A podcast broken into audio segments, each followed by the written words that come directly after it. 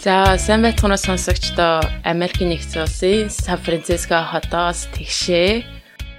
Улаанбаатар хотоос дэгээ мэдчилж байна. За, сонсогчтойгоо уулзсагоо маш их бодлаа.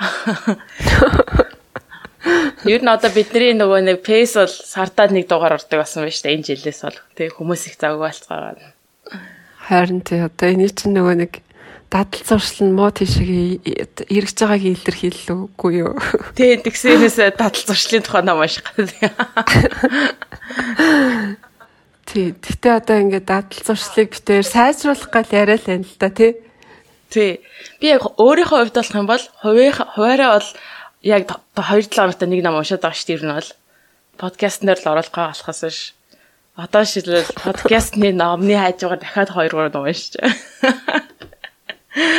Та бүхэн хөрж байгаа зүг болохоос биш. Ер нь бол тий заавал подкастын зориулж уншихгүй номнууд бол байна л да. Тий.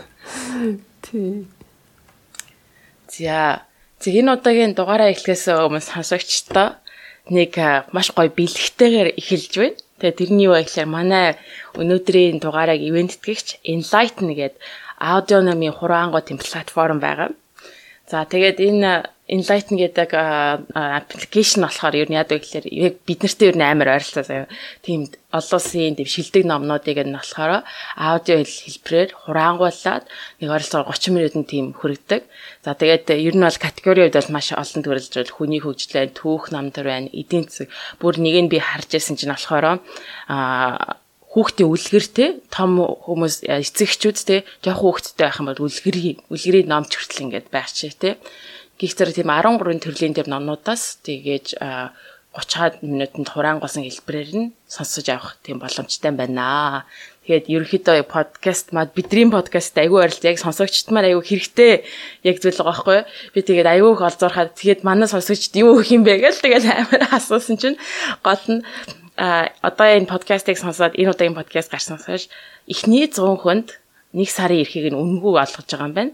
За тэр нь та бүхэн бол промо промо кодыг нь бол хийх хэрэгтэй. За промо код нь unlock. За тэгээд ингээд аппликейшнийг татаж аваад Enlighten Sig MN гэдэг би энэ Enlighten гэж яаж бичдэг нь болохоор E N L I G H T Enlighten гэх тээ Enlighten Sig MN гэж ороод аппликейшнийг татаж аваад Тэгээд тэрнээр ингээд худалдаж авахдаа чинь промо код гэдэг ингээд яг багцуудын хажууд нь промо код байгаа. Тэрэн дээр нь unlock гэдээ оруулах юм бол та 1 сарын эрхийг нь үнэгүй авах боломжтой байна. За тэгээд хэрвээ эхний 100 гэсэн учраас эхний 100 дээр хоцорчих юм бол а дугаар гарснаас хойш 2-7 хоногийн дотор буюу одоо 10 сарын 4-ний хүртэл 1 жилийн багцсандаа 20% хөнгөлөлт ингээд зарсан байгаа юм байна. За тэгээд сонсогчд маань зөвхөн мэдих информашн байгаа. Энэ бол Тийм болохоор unlock-ийн яг сонсогчдод зориулсан ийм промошныг одоо та бүхэнд явуулж байгаа юм байна. Одоо тэгээд энэ боломжийг ялтахгүй та бүхэн энийг аппликейшнийг татаж аваад тэгээд номоо сонсоод юм үнгөө хэрэгжилж үзээрэй гэж хэлье. Айгуу гоё эзний олсон баяртай мэдээ байна. За тэгээд сонсогчд маань энэ боломжийг алдалгүй промо кодыг оруулаад гоё гоё номнууд үлгэрүүд сонсоод ичтэй тий. Харин тий нэмээд unlock дээр би тэд ч одоо ингээд удаад байгаа болохоор байна. Сонсогчд мал юм сонсч байл яасан шах баа. Чүр нэг нөхөө малтад хэллээ шүү. За тэгтээ тэгшээ тэр ер нь номнуудаа үнээс ашигчмтай уншна гэсэн байгаа. Тий, сайн ярьсан. Аха. За. За за. За тэгээд хоёлаа шууд ном руугаа оръё. Удаад Atomic Habits гэдэг international одоо олон улсын бестселлер маш олон хувь зарагдсан 2018 онд хэвлэгдсэн ийм сонирхолтой номыг ярих гад бэлдсэн байна. Энэ ном баг Монголд орчуулагдсан баха тий би орчуулагдсан байж магадгүй гэж бодод байна. За тэгээд энэ номыг битээр сонгож тэгшэмээ сонгож авсан.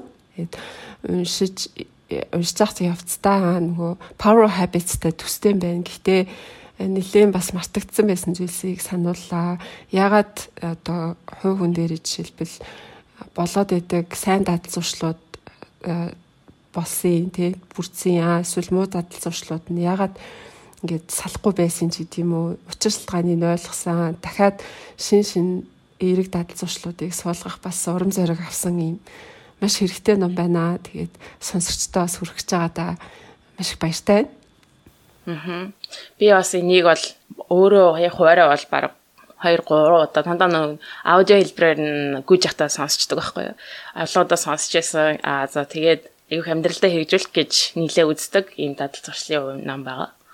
Тэгээд яг тэр энд номонд дурдаг гаргуудыг бол нийлээ бас ингээд хэрэгэлдэг. Ер нь бол аюу амьдрал амьдрал дээр шууд хэрэглэх боломжтой ийм ном та бүхэндээ сонгож авсан байна өнөөдөр. За. За за. За тэгээд ном руу орохоос өмнө уламжлалт ясаараа подкастынхаа ерөнхий вэндтгэгчийг дурдъя. Эрүүл амьдралын хэмээг идвэцгээ. Эрүүл мэндэд чанарыг эрхэмлэгч подкастын ерөнхий вэндтгэгч Denk Pharma. За, за тэгээд ном руугаа оръё. Ном маань ерөнхийдөө 20 бүлэгтэй байгаа тий. За 20 бүлэг ер нь бол ийм дөрвөн чухал одоо эерэг задал зуршлыг суулгах юм үе шатын талаар ярьдаг л да. Тэгээд тэр үе шат руу орохоос өмнө ерөнхийдөө дадал зуршил гэж юу юм манай зохиогчийн бас өөрийнх нь сторигоор энэ ном эхэлдэг. Тэгэхээр тэр сторигоор эхлүүлэе гэж бодож байна.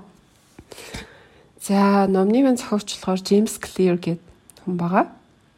Зохиогч маань 10 жилээ төгсгөөсөө нэг 2 жилийн өмнө гэхүү те одоо манайхаар бол 11 дугаар ангитай байхдаа бейсболын одоо спортоор хичээлдэг байсан юм л да. Тэгээ бейсболын талбай дээр дасгалынхаа үеэр нүүрэндээ ингээд бейсбол бөмбөгөөр онуулаад хүнд гинтл авдаг нүүрэндээ одоо хамрандаа нүдэндээ тэгээд хамгийн гол нь тархиндаа маш тийм хүнд гинтл авдаг тухайн үед одоо сэхэн амьдруулах тасагт ортлоо бүр ингээд маш хүнд тийм одоо гимтэл авсан байдаг. Тэгээ энэ гимтлээ гимтлээсээ хойш одоо хаалгаанд ороо тий нэлээ одоо олон сарын ийм эрчимтэй одоо засах, сэргийн засах тийм имчилгээнд явсны үндсэн дээр жилийн дараа буцаад бейсболынхоо талбай дээр ингэ зогсох тийм боломжтой болсон. Гэхдээ нөгөө мэдээж хэрэг юм асар том геймдэл авсан болохоор би энэ буцаад өмнөх хэвэндээ ортлоо бас нэлээ удаж байгаа юм л да. Буцаад одоо өмнөх шигээ сайн бейсболын тамирчин болоход те хугацаа орсон. Тэгээд 10 жилээ бол арай чүүчээ ингээл бейсболоо баг хэдгүү удаа талбай дээр тэмцээн дээр тоглож үтсэн баг. Тэ ихэнх замын дээр суугаад нэлийн тийм үеийнхнээсээ хоцорсон мэдрэмж аваад ингээд төсөж исэн байна. За тэгээд их сургуульд орсон хойноо болохоор за би ингээд баг багаар өөрийгөө ингээд сайжруулаа тий яваад авах хэрэгтэй байна э, гэж үзээ. Тэгээд тасралтгүй хичээсэн. За тэр хичээсэн зүйлийнх нь хамгийн одоо өөрт нь тусдын болж исэн зүйл болохоор дадал зуршил байсан байгаа. Жижиг гэлтгүү маш олон жижигхэн дадал зуршлыг өөртөө хөвшүүлж хэлсэн. Жишээлбэл өглөө эрт басах, орой эрт унтах тий. За эсвэл одоо өрөөгөө дотор байраа цэвэр цэмцгэр байлгах. За тэгээ хичээл номдоо одоо гэрийн даалгавраа алдалгүй хийх те хичээлээ таслахгүй очих ч гэдэг юм уу. Энэ бүх юм жижигхэн дадал зуршлууд боловч эдгээр нь ингээд цаг хугацааны явцад өөрийг нь илүү сайжруулж байгаа тий хэдэн сарын дараа магадгүй жилийн дараа 2 жилийн дараа ингээд үр дүнгээ өгөөд байгаа юм мэдэрч гисэн байна л да. Тэгээд явсаар агаад тасгал сургуультан дээр ч гэсэн маш их юм өөрчлөлтүүд гарсан. Тэгээд дөрвөн жилийн дараа их сургуулаа төгсөх үедээ болохоор бейсболынхоо шугамар ч гэсэн нэлээх амжилт гаргасан сургуулийнхаа шилдэг эрэгтэй тоглогч болцсон тий. Тэгээд Америкт 33 хан тоглогчд өгдөг, их сургуулийн 33 хан тоглогчд өгдөг. ESP ESPN Academic All America Team гэдэг шагналыг авсан. Ерөнхийлөгчийн медальтай ингэж төгсөж исэн байна. Тэгэхээр их сургуультай байхдаа ийм жижиг дадал зуршлуудыг баг багаарч болтугай хэрэгжүүлэх нь ямар хүчтэй хүний амьдралд нөлөөлөх юм бэ гэдгийг ойлгосон болохоор их сургуулаа төгсөөд өөрөө тасгалжуулагчаар ингээд ажиллаад явах үедээ ч гэсэн ингээд тасралтгүй л дадал зуршлыг яаж бий болгох хэвтэй байна муу дадал зуршлуудыг яаж хаях хэвтэй юм гэдэг талаар ингээд тэмдэглэл бичээл өөрөө тэргээ хэрэгжүүлэл яваад байсан байна. За тэгж явж байгаад 2012 онд James Clear com гэдэг өөрийнхөө вебсайтн дээр энэ хэрэгжүүлдэг дадал зуршлууд те дадал зуршлыг бий болгодог аргуудаасаа хуваалцсан хэмжижгэн нийтлэлүүдийг бичиж хэлсэн байна л да. Тэгсэн чинь тэр нийтлэл нь ганцхан жилийн дотор 30 мянган email subscribers-та болцсон тий тасралтгүй одоо байнга уншдаг хүмүүстэй болцсон. За тэгээд 15 онд бол 200 мянган subscribers-тай болсон. Гэт маш амжилттай байсан юм. Тэгээд 15 онд Penguin Random House хэвлийн алдартай компаниас ингээд санал аваад энэ Atomic Habits гэх номоо бичих болсон юм байна. Тэгээ номоо бичиж байгаа үедээ 2016 оны үед бол жишээлбэл Time Forbes Entrepreneur гэдэг алдартай дэлхийн алдартай сэтгүүлүүдэд одоо байнга нийтлэлээ бичдэг тий. Тэгээ нэг жилд гэхэд 8 сая хүн нийтлэлийг уншдаг. Маш их тийм олон хүнд хүрсэн арга техникүүдийг одоо энэ хүн бол заадаг тий. Тэгээд энэ ном энэ ном дээрээ хамгийн ойлгомжтойгоор ингээд эмгтээд гаргацсан байгаа гэсэн үг. За тэгээд эхний бүлэг дээр болохоор за энэ дадал сурчлалын маш тийм хүч хүч чадал юу байдаг талаар гардаг л да. За энэ дээр нэгэн жишээгээр эхэлдэг. Британий одоо дугуйчид те ер нь бол 2000 2000-ад оны эхэнд бол маш их тийм амжилт муутай байсан юм байна л да. Ер нь сүүлийн 100 жилд ерөөсөө олимпийн медаль аваагүй тий. Тэгээд тэрний тэрнээс нь ч болоод Европын алдартай одоо дугуй үйлдвэрлэгч компаниуд Британий багт дугуй онуулмааргүй байна. Тэгэж брендийнхаа нэр хүндийг унгаамааргүй байна гэж хүртэл хэлжсэн, татгалзажсэн юм байсан юм байна. За тэгээд эдний одоо Британий дугуйн шгшээ багийнхаа шин дасгалжуулагчтай байсан юм. Шин дасгалжуулагч нь ирээд жижиг гэлтгүй юм сайжруулалтуудыг хийж гисэн байна. Өмнө бусдын юу сайн анзаарч байгаагүй жишээлбэл одоо дугуйныхаа суудлыг нь дахин сайжруулах ч гэдэг юм уу эсвэл дугуйг нь одоо алкогол түрхээд илүү тормос авахтаа сайн болгодог ч гэдэг юм уу а за эсвэл ингээд дугуйчдынхаа өмсгөл дээр анхаарах мэдрэгчүү зүйлгэж бэлтгэлийнхэн үед нь хэмжих ч гэдэг юм уу те? Өмнө нь ерөөс анзаарч байгаагүй жижигэн жижигэн сайжруулалтуудыг хийж гисэн. Тэрнийгээ өөрөө 1% сайжруулалт гэж нэрлсэн байл. Өдөр болгоо иймэрхүү 1% сайжруулалтуудыг хийгээд яваад байсан чинь Британий багийн дугуйн энэ шигшээ баг нь маш их амжилт үзүүлээд 2012 оны Лондонгийн Олимпиад бол нийт алтан медалийн 60%-ийг автлаа тий. А тэгээд Францад болдог одоо дугуй спортын хамгийн ноён оргил болсон тэмцээн буюу Détour de France гэдэг одоо тэмцээн байт юм л та. Тэр тэмцээний медалийг одоо шагналыг нь 6 жил 5 5 5 нь одоо Британий багийнхаа ялчсан ийм амжилт үзүүлжсэн байна. Тэгэхээр энийг энэгээр юу гэж хэлэх гээд байгаа юм бэ гэхээр жижиг гэлтгүй одоо альва сайжруулалт бол цаг хугацааны явцад ингээд нийлээд том болж болдгийм аа том өөрчлөлийг авчиж болдгийм аа гэдгийг хэлээд байгаа.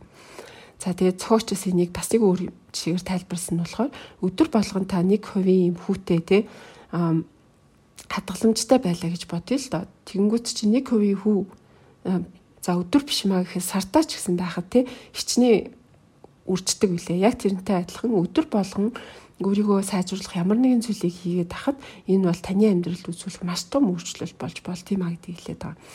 За бас хийж байгаа зүйлээ жоохон ч гэсэн өөрчлөх. За энийг бол жишээлбэл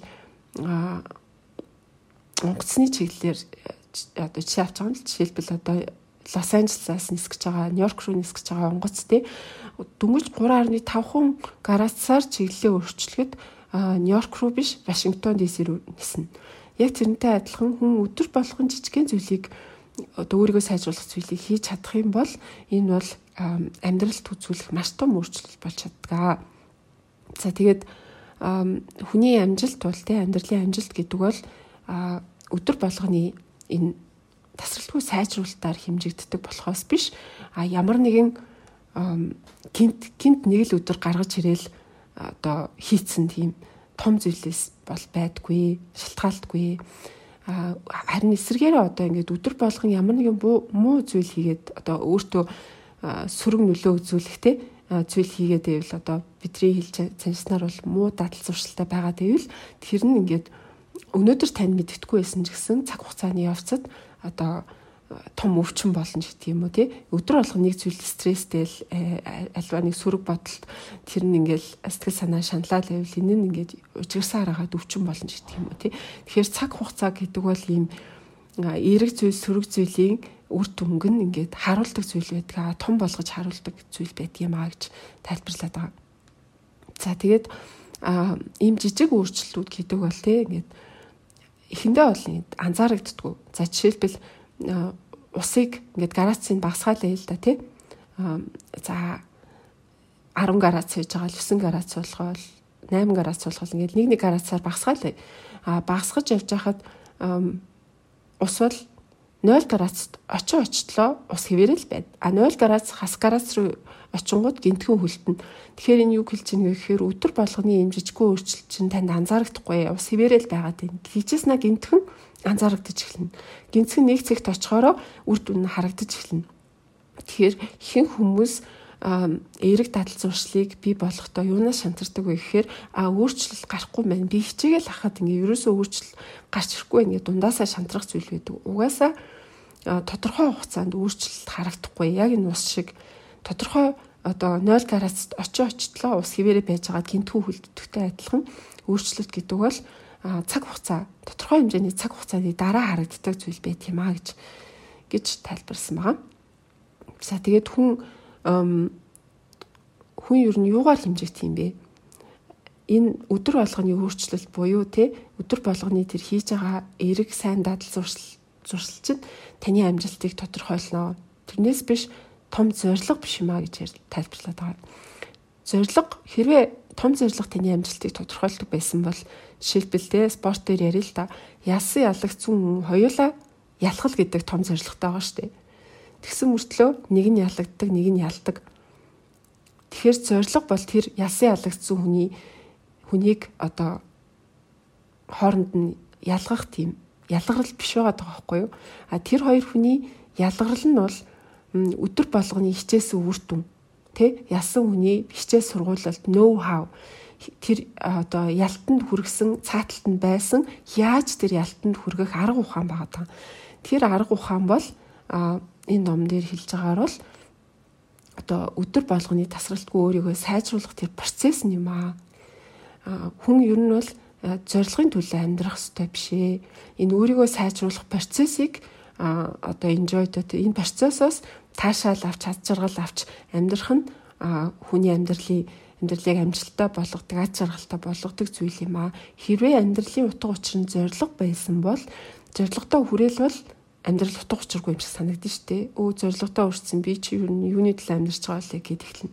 Тэгэхээр зориг бол бүх зүйл биш ээ. Зориг мэдээж хэрэг таны хаашаа явахыг чиглүүлнэ. А гэхдээ хамгийн чухал зүйл бол өдөр болгоны энэ өөрийгөө сайжруулж байгаа процесс юм аа, дадал зуршил юм аа гэж хэлээд байгаа юм л да.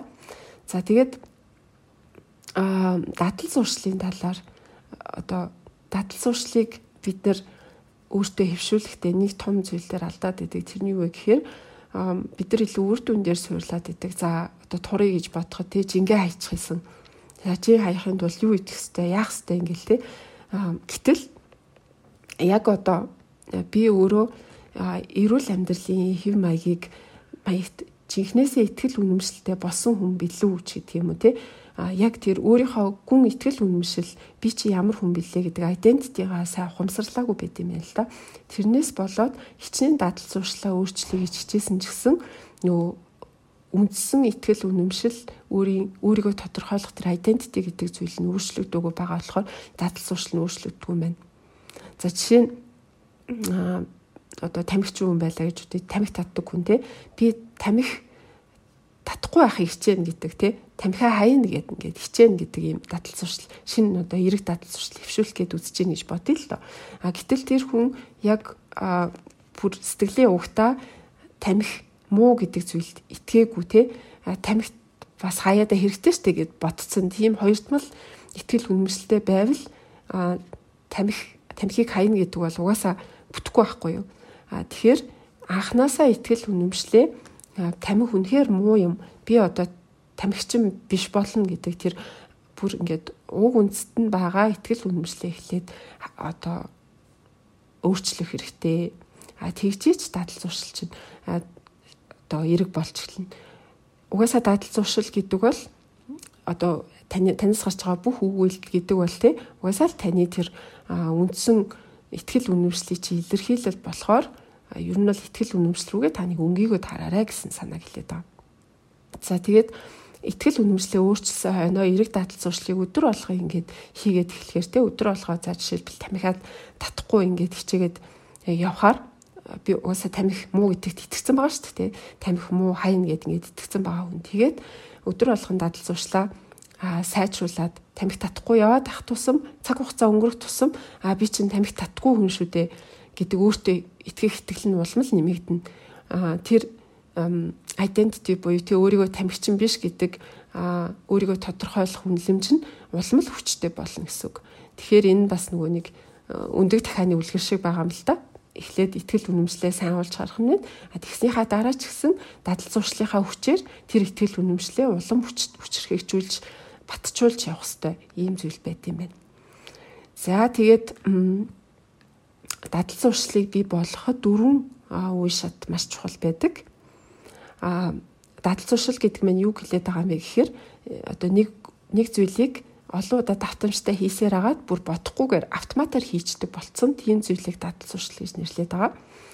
Аа тэрний хүчинд хүн одоо бодохгүй хийнэ гэдэг чинь тарих тэрэнд нэг ажиллагаа болчихно гэсэн үг шүү дээ. Илүү одоо тарих илүү одоо бүтээлч зүйлд илүү шинэ асуудал шийдэхэд ажиллах боломжтой болно гэсэн үг. Тэгэхээр одоо нөгөө хүмүүс бас нэг юм буруу ойлголттой дээ шүү дээ. Хүн өөрийгөө роботчлоо л тий.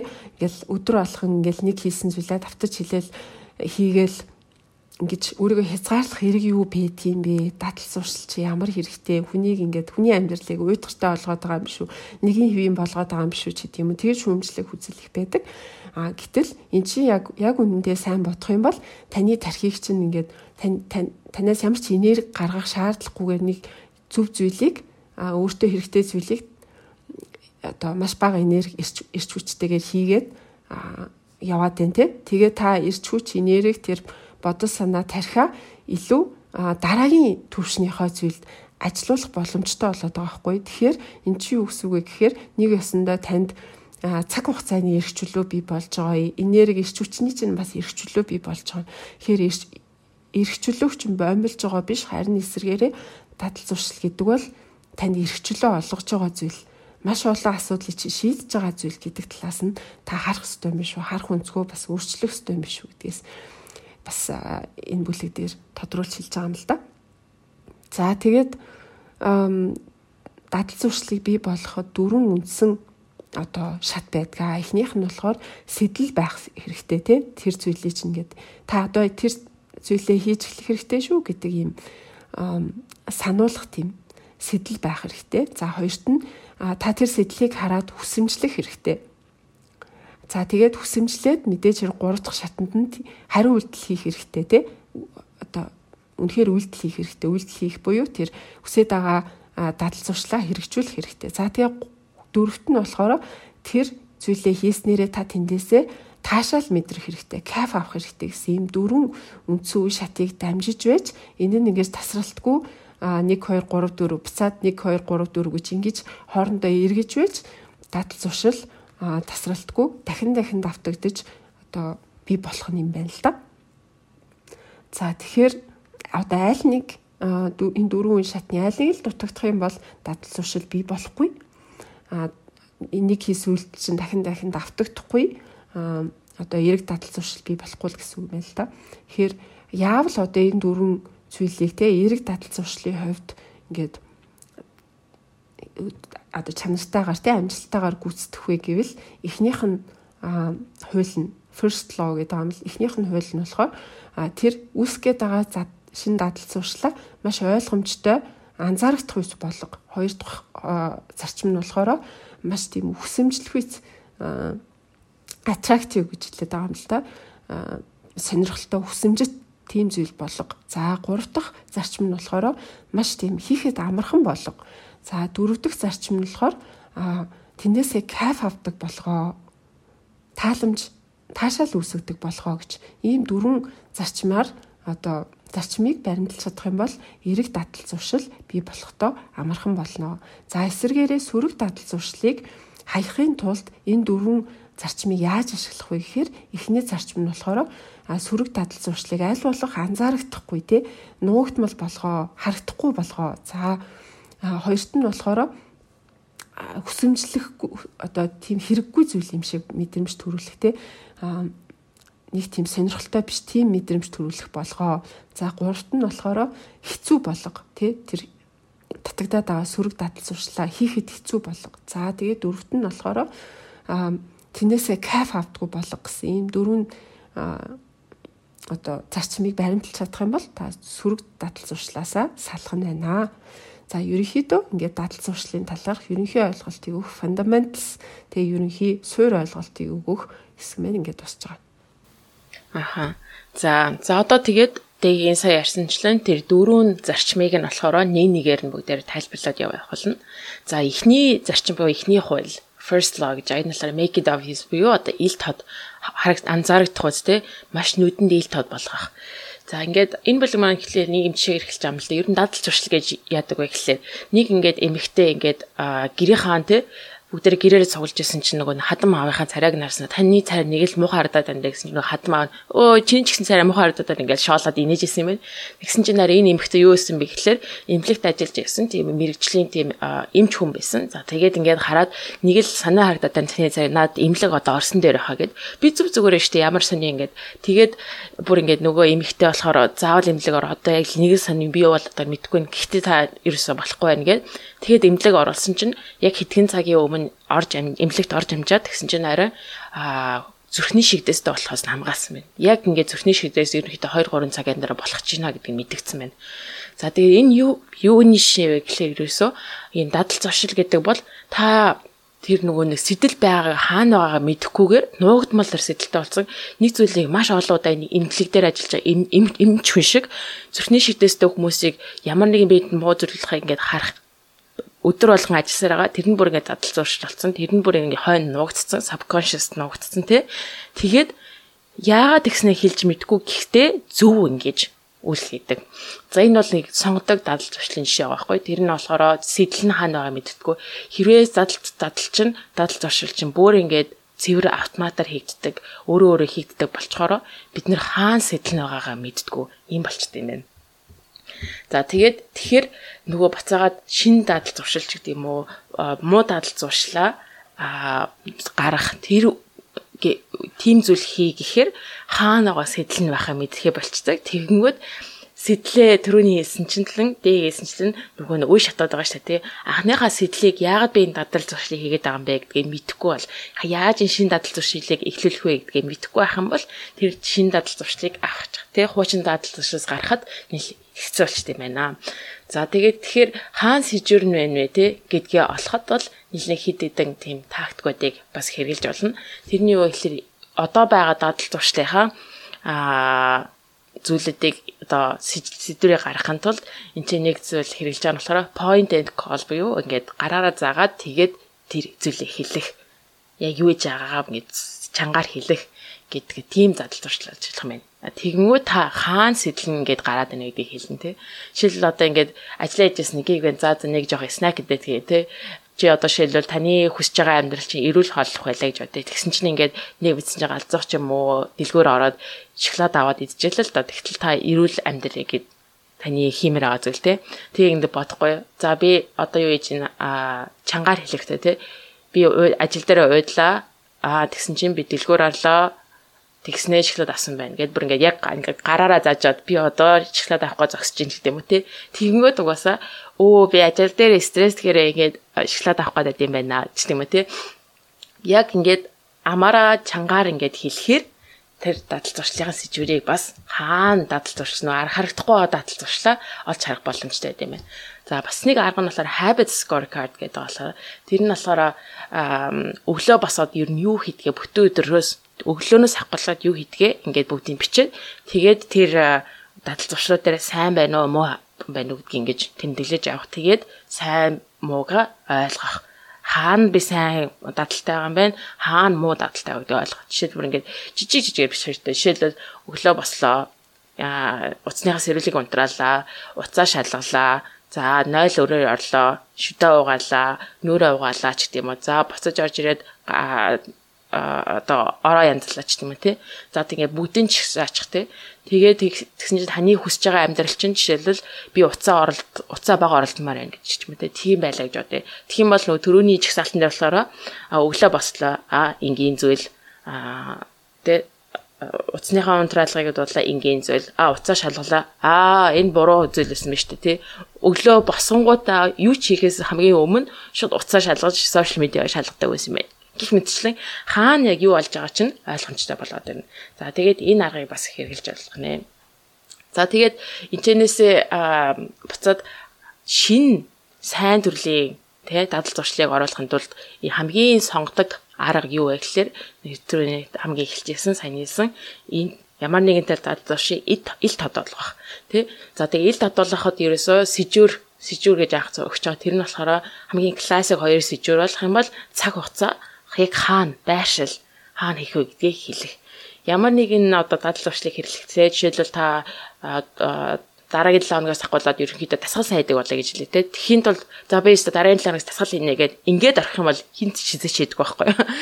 Тэрний оронд яг хэрэгтэй юу ч хэлэх хэрэгтэй гэхээр дараагийн 7 хоногийн нэгд өдрийн 7 цагаас Улаанбаатар тэр гүүрний хажууд байдаг тэр тэр газар би дасгалаа хийнэ гэд ингээд яг гарахтай. Өөрөөр хэлбэл аль өдөр аль өдөр хідэн цагт яг хаана хідэн удаа хийх вэ гэдгээ яг сайн гарах хэрэгтэй байна. Энд ч нэг жишээ байгаа юм л да. Тэгээд хүмүүсийг болохоор 7 хоногт ядаж нэг удаа хүртэл дасгал хийдэг болохын тулд ингэрүү судалгаа хийсэн байна.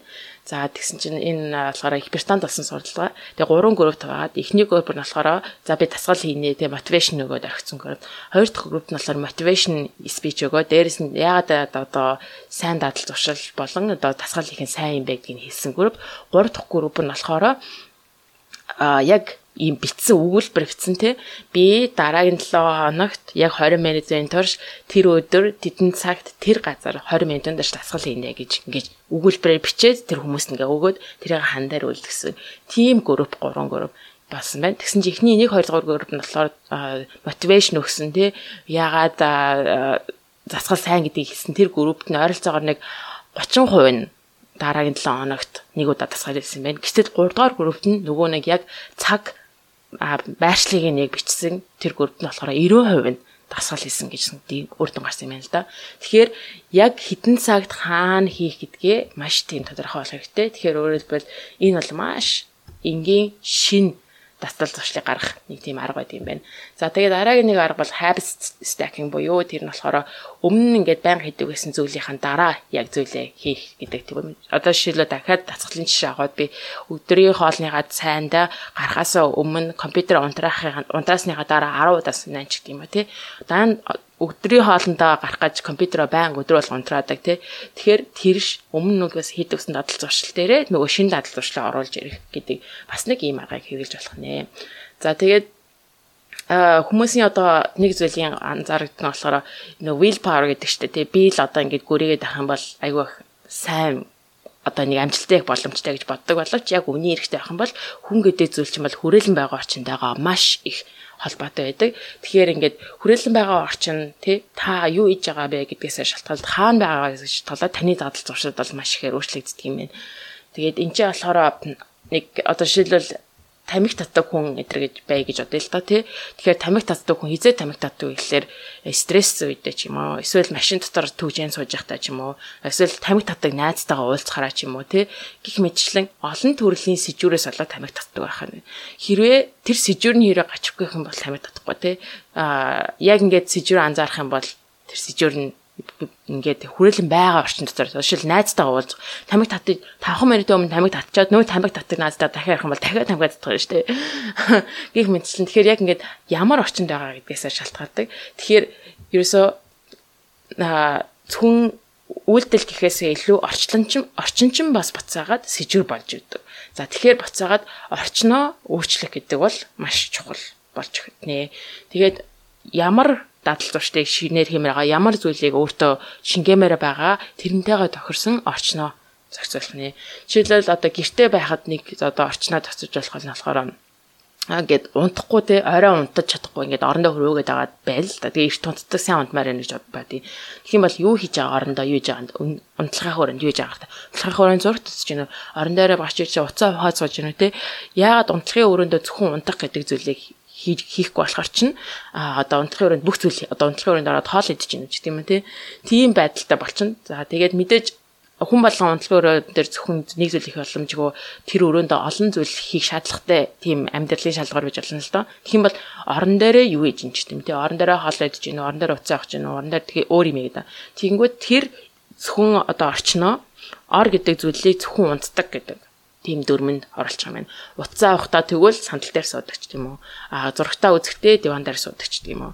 Аа тэгэнгүүт орон дээр бол орон дээр л гарсан бол зөвхөн унтдаг гэх мэтчлэнгээр тэр одоо хиймээр байгаа дадал зуршлаа зөвхөн нэг тийм а хэсэг байршил а нэг ийм environment буюу одоо хүрээлэн байгаа орчин руу холбож өгөх юм бол шин дадал зуршлыг илүү авч явахад одоо амархан байд юм байна.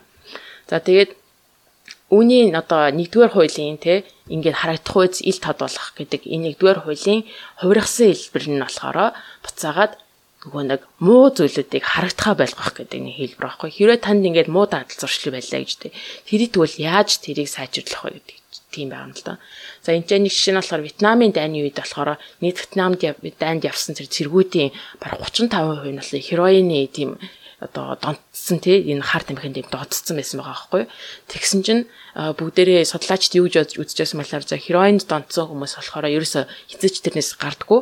Тэгээд донтсон чигээр ингээд амьдрал нь тэр чигээр байдгаа гэж бодож исэн боловч нутагтаа Америкт буцаж ирсэн чинь 30 50%-ийн 5% нь л буцаад донтсон эвэрээ үлдсэн 30% нь болохоор ерөөсө хероины дахиж хэрэглэхээ болцсон байсан юм байна. Тэгсэн чинь юу болцсон бэ гэхлээр ерөөсө ингээд хайжгасан чинь Вьетнам дахта эргэн тойронд бүгдээрээ хероин хэрэгэлдэг байсан. Аа за хероиныг болохоор Вьетнамд айгүй их ингээд ямар ч нөгөө контролгүй зардаг байсан бол айгүй амархан байсан тий. Аа худалдаж авах. За тэгээд найзуудтайгаа болохоор бусад цэрэг найзуудтай болоод хероиныг хэрглэж ингээд найз болдог байсан. Стрессээ гаргадаг байсан ч гэх юм уу тий.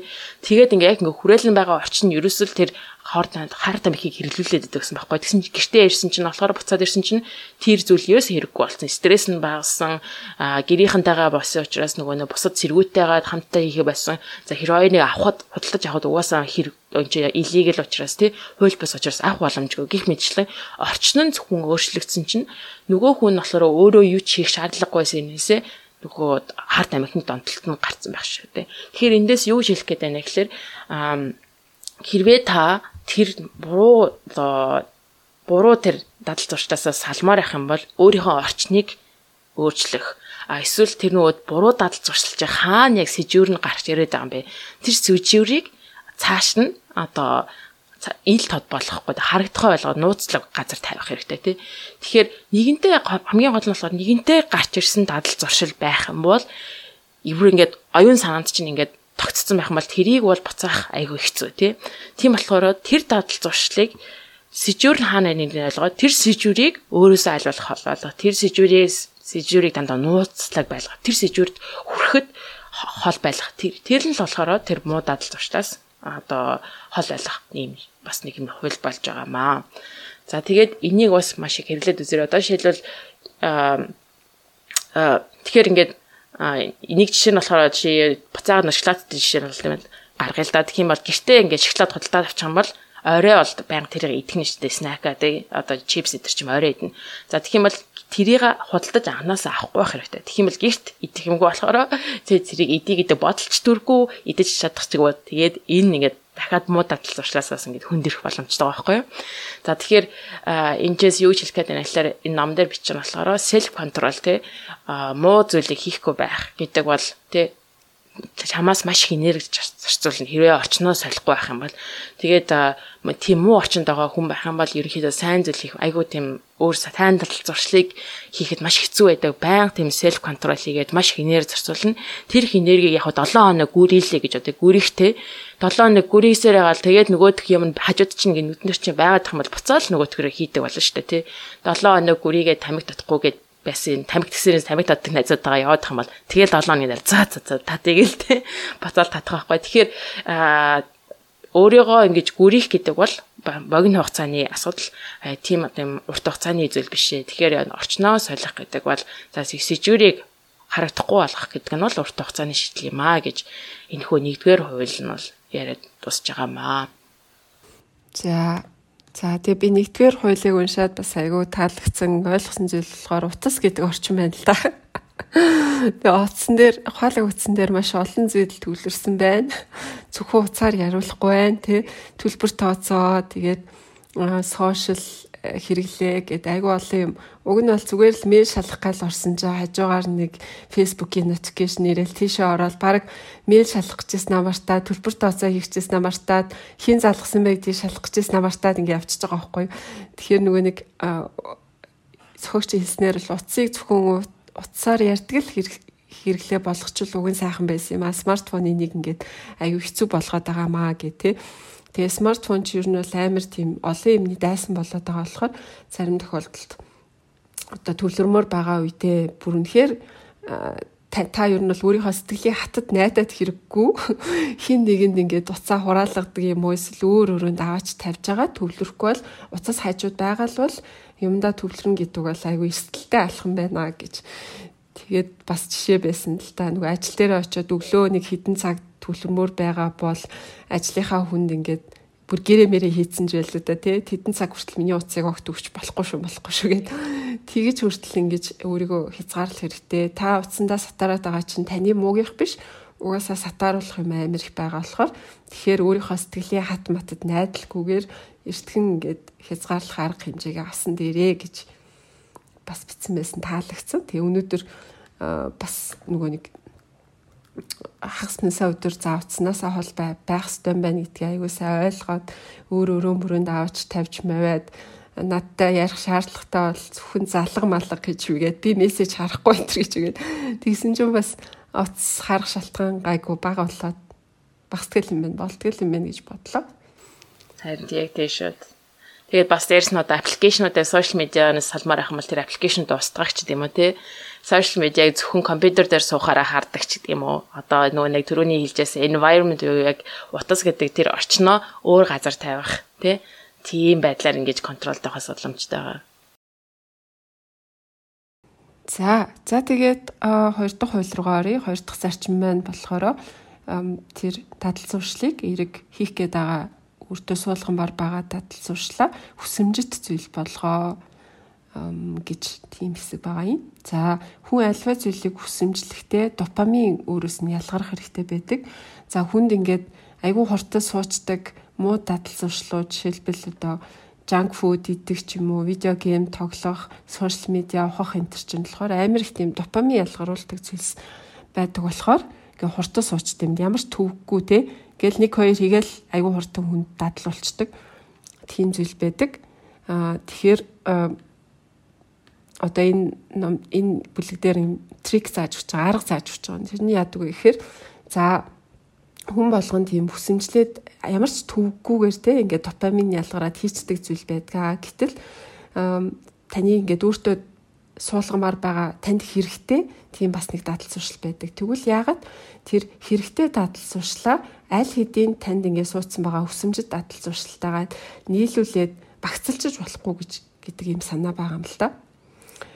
Тэгэнгүүт за жишээлбэл энэ дээр нэг гарсан жишээ нь нэг хүн нэг оюутан Америк Netflix үздэг гэсэн Netflix үздэг. Тэгээд өөрийгөө ингээд дуу жигээд жоохон хөдөлмөр байна спорт хичээл спортоор хичээлмээр байна дасгал хиймээр байна гэж хийж боддог. Тэрийг хийж чадахгүйс тэгэхээр нь за тэгвэл өөрөө програм бичингүүтэй нэг юм дууж идэг те нэг хөдөлгөөн дуу байдаг штэ. Гэртээ ундаг дуу те.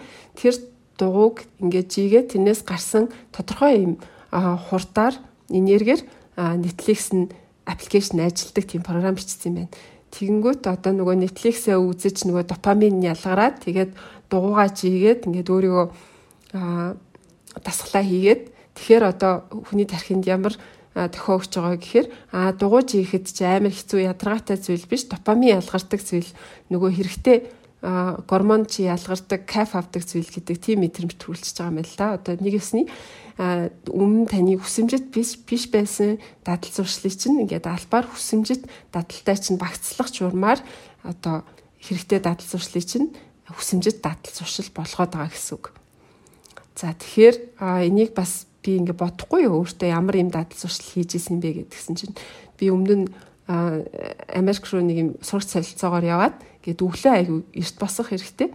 Тэг өглөө босоод номын санд суугаад ингээд нэг ном уншмаар байдаг хичээл эхлэхээс өмнө тэгтэл нэг өглөө босож чадахгүй байгаадсан байхгүй. Тэгэхээр тэр номын санд Френц гардгийг нөгөө нэг Френцийн видео одоо видео кассетууд байгааг анзаарсан. Тэгээд за би өглөө очихл юм бол номын санд босоод очичтгэл юм бол Френцийн хоёр анги нэг анги ч юм үзнэ. Тэгснийхаа дараа ингээд хичээл хэлэл номоо уншина гэдэг тийм дүрм өөртөө зохиохгүй. Тэгээд өглөө бас босон чинь аа за за Френц үзэж байгаа юм чи ингээд сэрэнгүүт ерөөсөө нэг төвгүй сэрээд эс. Тэгээд огт өглөө бас чаддгүй байсан хүн чинь ямар ч асуудалгүйгээр ингээл өглөө босоод очиж Френцээ үзэл номоо уншаал хичээлдээ ороод тэгээ баг номын санд хамгийн олон цагийг өнгөрүүлсэн сурагч мөр оюутан оюутан гэсэн шагнал авч баад тэр мэр санаанд орлоо.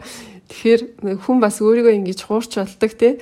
Ингээд угаасаа хийх дуртай зүйлээрээ ингэж өөрийгөө харгалаад хийх хэрэгтэй юм а хийхийн тулд хийх дуртай зүйлтэйгээ цуг уяах гэдэг ийм зүйлийг хийж болох нэ. За тэгээд энэ ном дээр одоо энэ аргыг зааж өгтөө. За одоо та жишээлбэл ингээ фэйсбүүк явуучих гад идэг байж болно шүү дээ. фэйсбүүк явуучих гад идэг. Гэтэл дасгал хөдөлгөөний дутагдал орсон байлаа гэж бодъё л доо.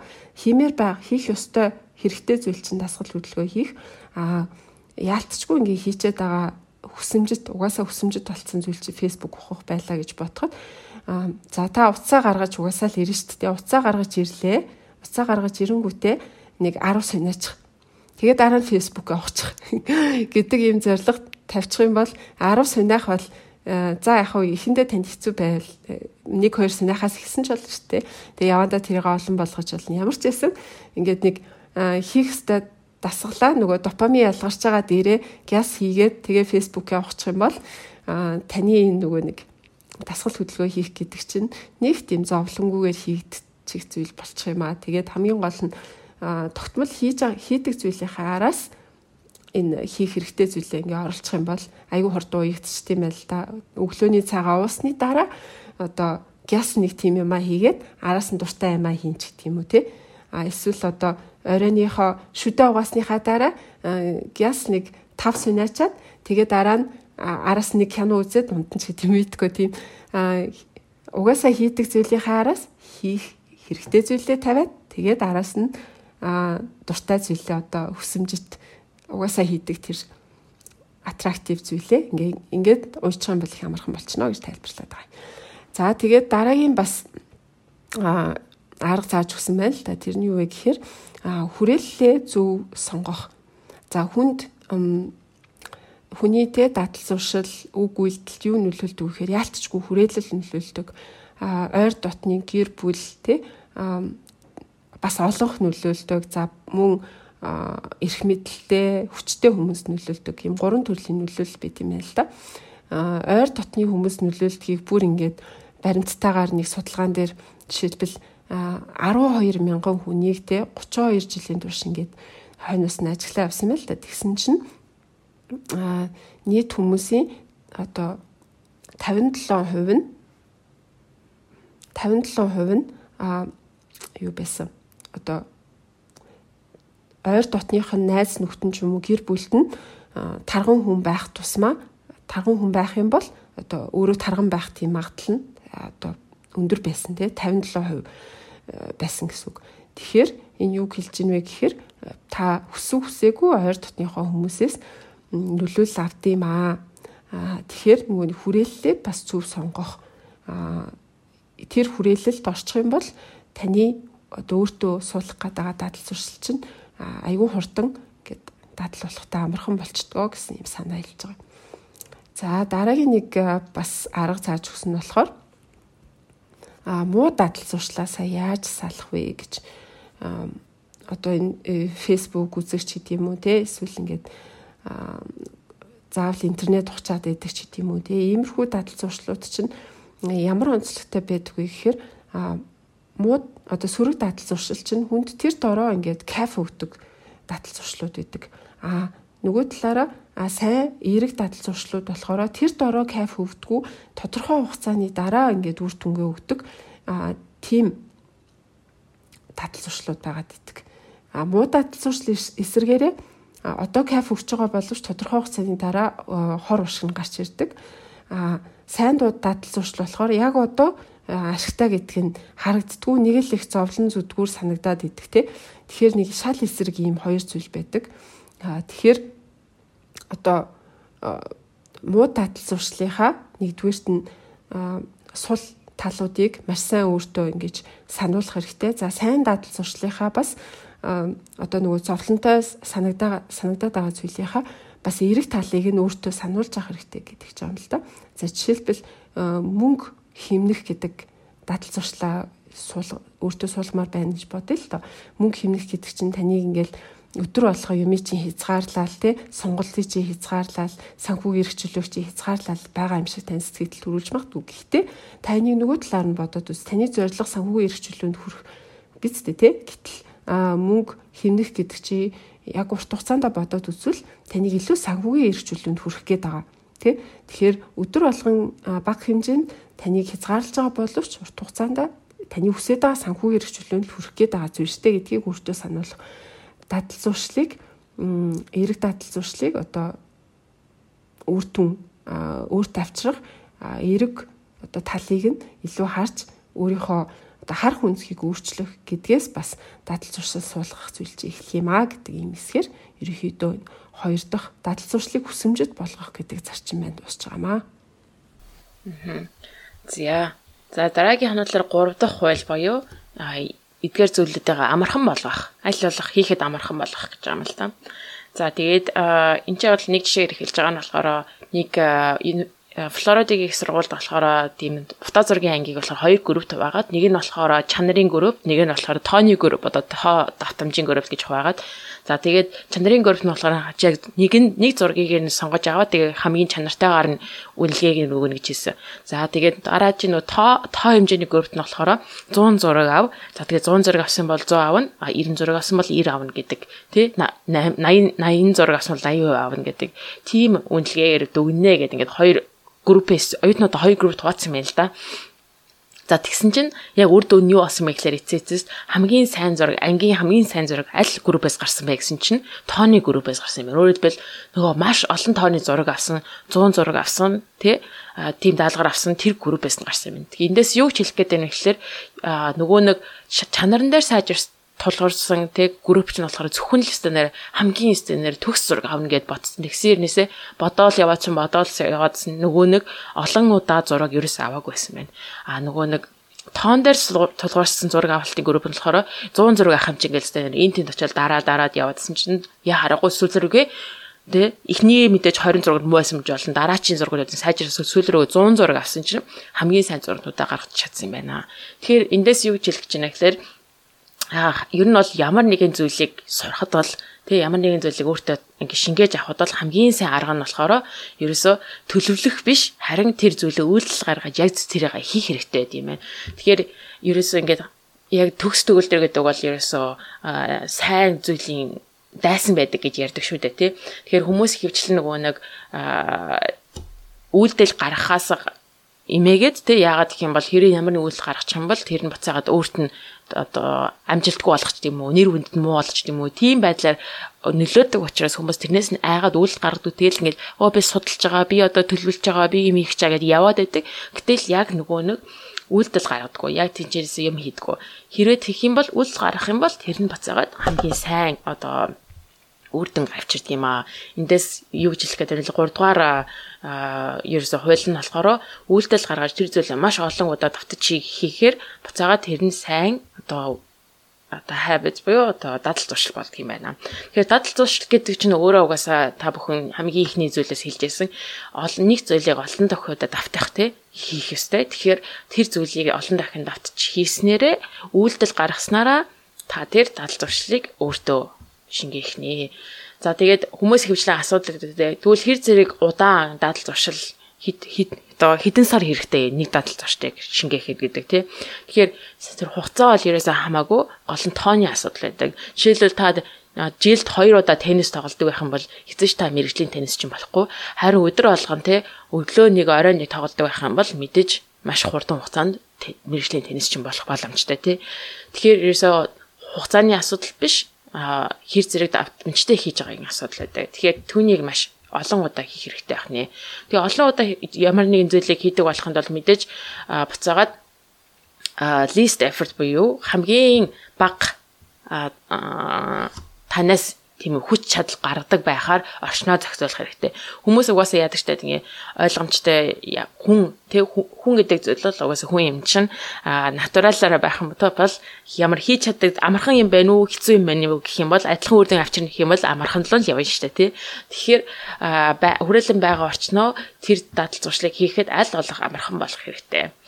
Тэгээд тиймэрхүү байдлаар сетап хийж одоо янзлах хэрэгтэй. Жишээлбэл одоо түрүүн хэлжсэн та одоо эрүүл хоол идэгээд бодсон явж гэтэл орой те орой олгон найзуудтайгаа хоол нь гардаг байх юм уу те. Тэгэх юм бол нөгөө нэг та эрүүл хоол идэ гэдэг тэр хийх чагаа дадал зуршил маш хэцүү болчихж байгаа байхгүй юу?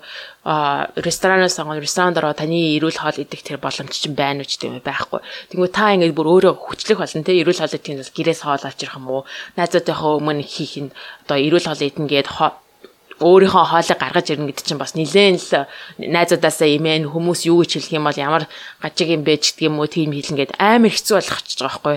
Тэгэхээр тэр орчноо аль болох тэр шин сайн одоо дал зуршлыг бий болгоход аль болох амархан болох хэрэгтэй. Өөрийнхөө төлөө тэр гарах хэрэгтэй. Тэгвэл би friction буюу тэр шин зүйлийг хийхэд амархан болох хэрэгтэй гэдэг тийм зүйл одоо хэлж байгаа юм л да.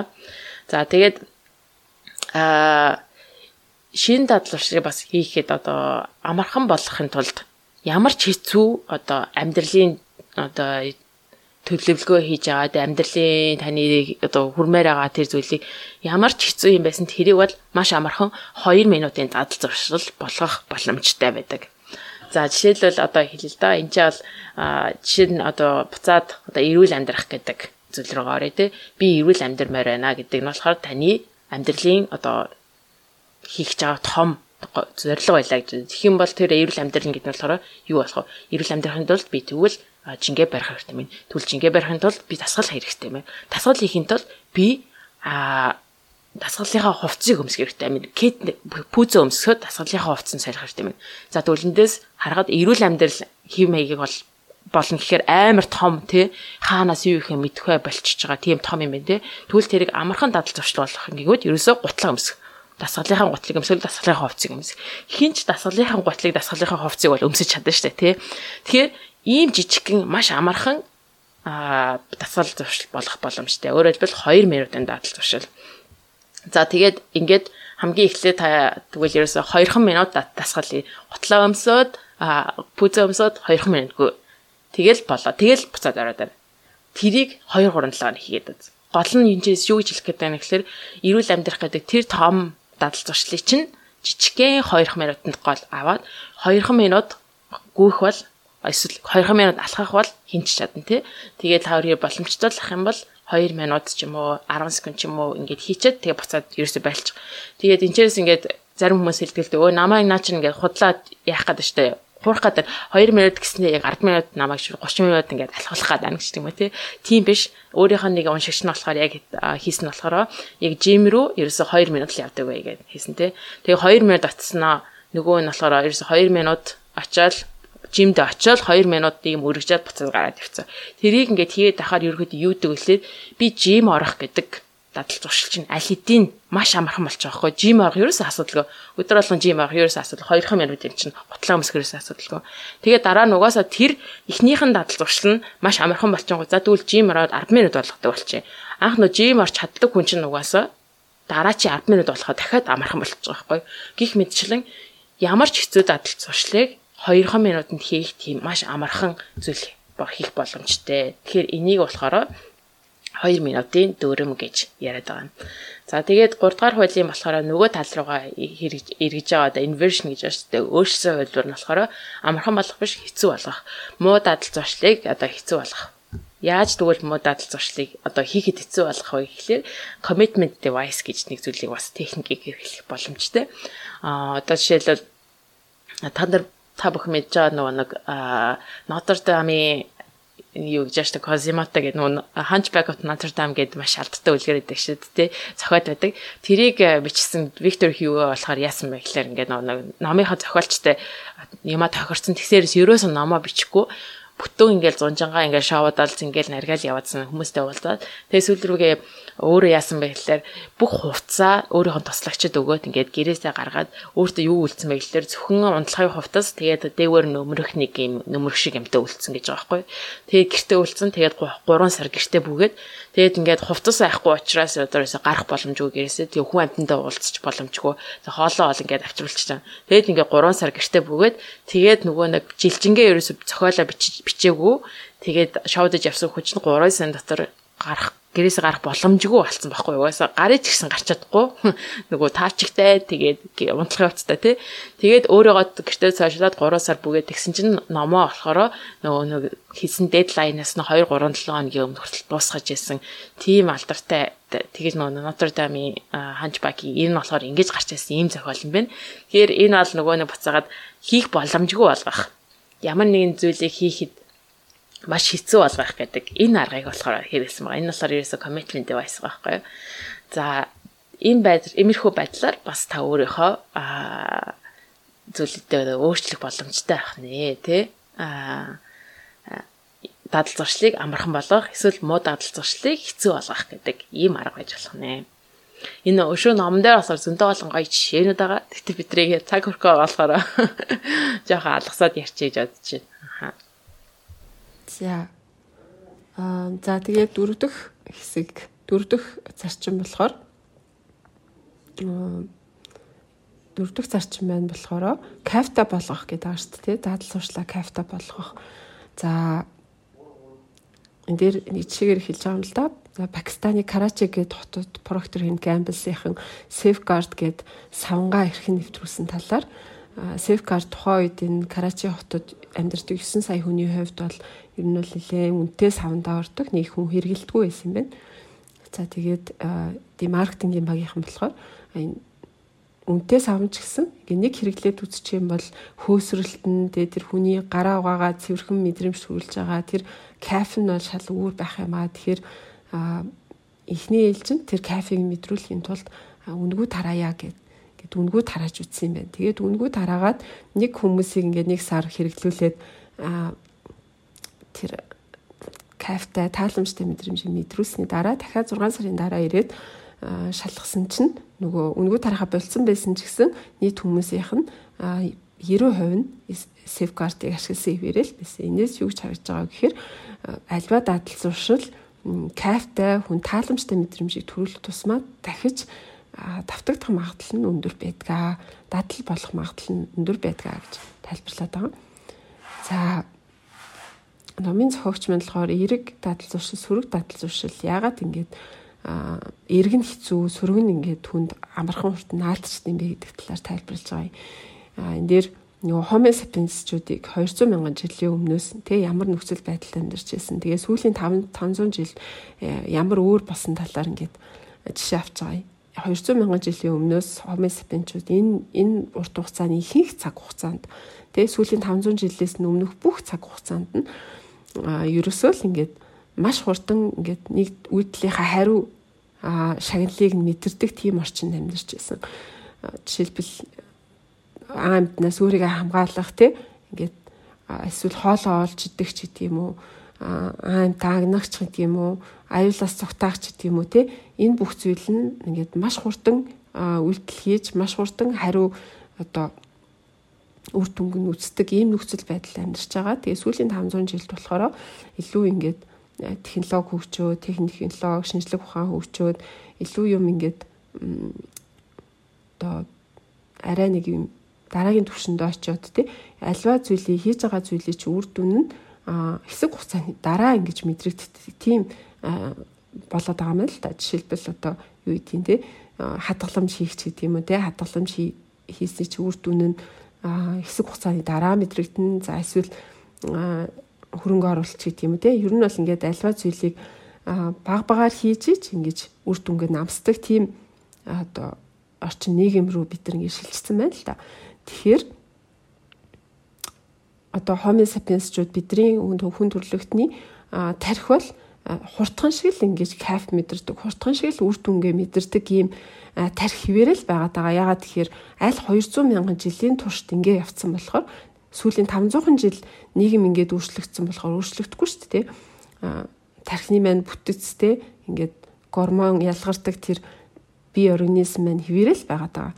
Тэгэхээр нөгөө нэг хурдан ингэж үр дүнгээ амсдаг кайф мэдэрдэг тий тэр зүйлүүддээ илүү бид нар татгцсан хിവэрэл байгаад байгаа юм л да.